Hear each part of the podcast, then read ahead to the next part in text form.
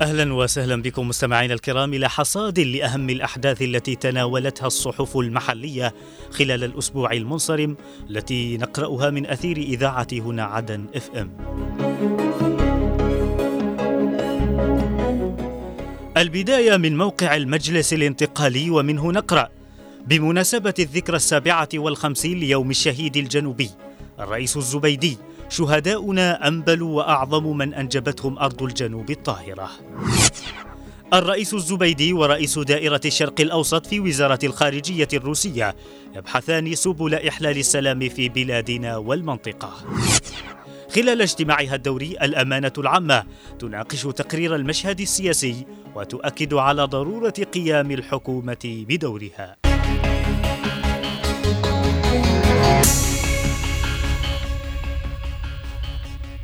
قال الرئيس القائد عيدروس قاسم الزبيدي رئيس المجلس الانتقالي الجنوبي نائب رئيس مجلس القيادة الرئاسي. إن شهداءنا هم أنبل وأعظم من أنجبتهم أرض الجنوب الطاهرة في الماضي والحاضر. وذلك بمناسبة حلول الذكرى السابعة والخمسين ليوم الشهيد الجنوبي والذي يوافق الحادي عشر من فبراير من كل عام. وأشاد الرئيس القائد في منشور له على صفحاته بمواقع التواصل الاجتماعي بالتضحيات التي قدمها الشهيد الجنوبي مشيرا بأن تلك البطولات ستظل محفورة في ذاكرة كل الأجيال. ناقش الرئيس القائد عيدروس الزبيدي مع ألكسندر كيشناك رئيس دائرة الشرق الأوسط وشمال إفريقيا في وزارة خارجية روسيا الاتحادية مستجدات الأوضاع السياسية والاقتصادية في بلادنا. واستعرض اللقاء الذي جرى يوم الاثنين الماضي والذي حضره تيمور زابيروف سفير روسيا لدى دولة الإمارات ومسؤولون من قسم اليمن والخليج في وزارة الخارجية الروسية استعرض فرص إحلال سلام دائم من خلال عملية سياسية شاملة تقودها الأمم المتحدة. أكد الرئيس القائد عيدروس الزبيدي رئيس المجلس الانتقالي الجنوبي نائب رئيس مجلس القيادة الرئاسي مساندة المجلس الانتقالي لرئيس الحكومة المعين أحمد بن مبارك لإحداث تغييرات حقيقية وملموسة في أداء مؤسسات الدولة والنهوض بالواقع الاقتصادي المنهار. ونوه الرئيس القائد خلال ترأسه الاجتماع الدوري لهيئة رئاسة المجلس الانتقالي يوم الثلاثاء الماضي إلى ضرورة وقوف الجميع إلى جانب الحكومة للقيام بالمهام المنوطة بها في إنعاش الوضع الاقتصادي المتردي وتوفير الخدمة الأساسية للمواطنين.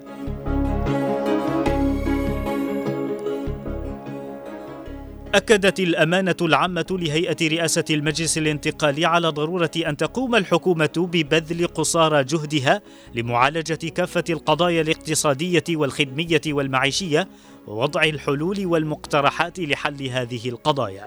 جاء ذلك في الاجتماع الدوري الذي عقدته الأمانة الثلاثاء الماضي في العاصمة عدن برئاسة الأمين العام فضل الجعدي حيث أشادت بدور أبناء محافظة أبين ومديرية مودية على وجه الخصوص خلال المعارك التي خاضتها القوات الجنوبية ضد الجماعات الإرهابية بالمديرية والتي توجت بسيطرة قواتنا المسلحة على معسكر وادي مطر.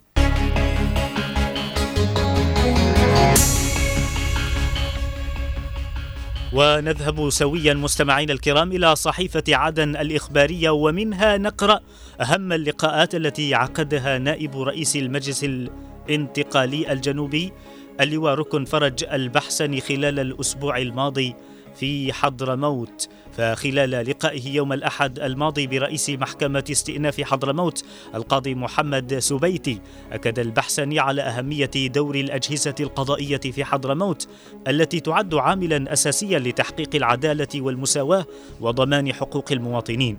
وناقش البحسني في اللقاء الذي ضم عددا من رؤساء النيابات في المحافظة أبرز الصعوبات التي تواجه القضاء والبحث في سبل معالجتها وتحسين الأداء بما يتلائم مع تطلعات المجتمع ومتطلبات العدالة والمساواة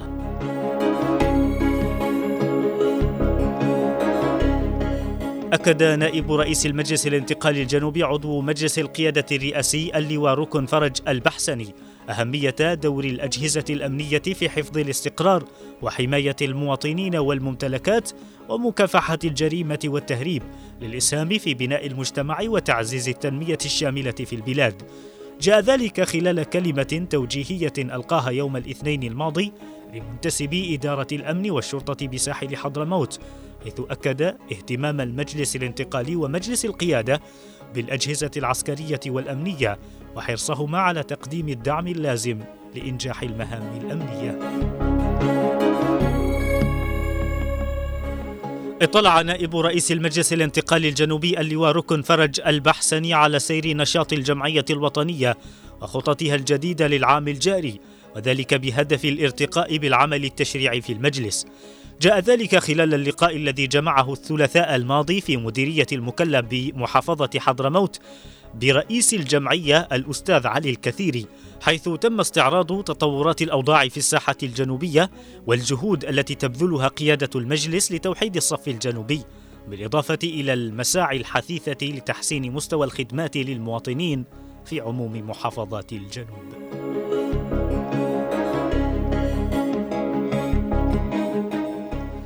وفي اللقاء الذي عقده مع عدد من الشخصيات العسكرية والاجتماعية والقبلية بأبين قال نائب رئيس المجلس الانتقالي الجنوبي إن جهاز مكافحة الإرهاب سيسهم في تعزيز الأمن والاستقرار ومحاربة العناصر الإرهابية في المحافظات المحررة ومحافظة أبين على وجه الخصوص. وطلع البحثان خلال اللقاء الذي جرى الثلاثاء الماضي في المكلا على كافة الأوضاع في أبين والدور الذي تقوم به القوات الجنوبية في التصدي للعناصر الإرهابية ومكافحتها مشددا بضرورة الالتفاف حول القيادة السياسية والسلطة المحلية لمساندتها في تنفيذ مهامها واقتلاع شأفة الإرهاب من أجل ترسيخ دعائم الأمن والاستقرار في المحافظة.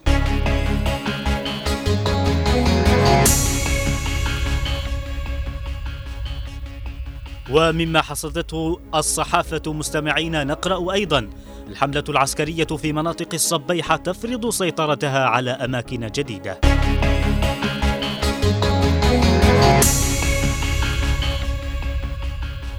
تمكنت الحملة العسكرية والأمنية بمديرية المضارب ورأس العارة غرب محافظة لحج من بسط سيطرتها على أماكن جديدة تستخدم لتهريب المهاجرين الأفارقة وتهريب المواد المحظورة.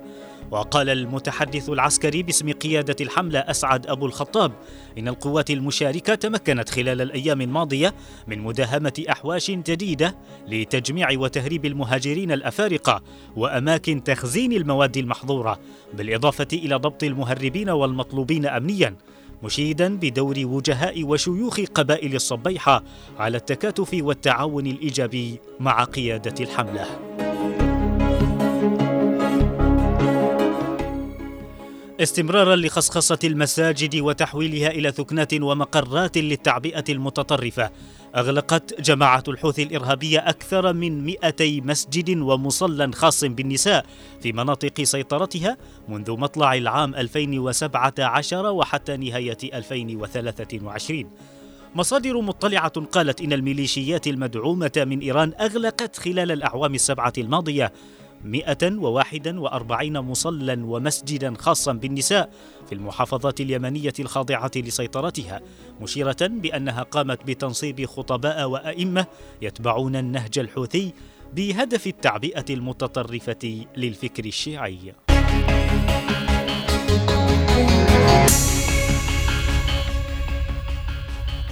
إلى هنا نصل وإياكم مستمعينا الكرام إلى ختام هذا الحصاد الإخباري لأهم ما تناولته الصحف من أخبار خلال الأسبوع الماضي.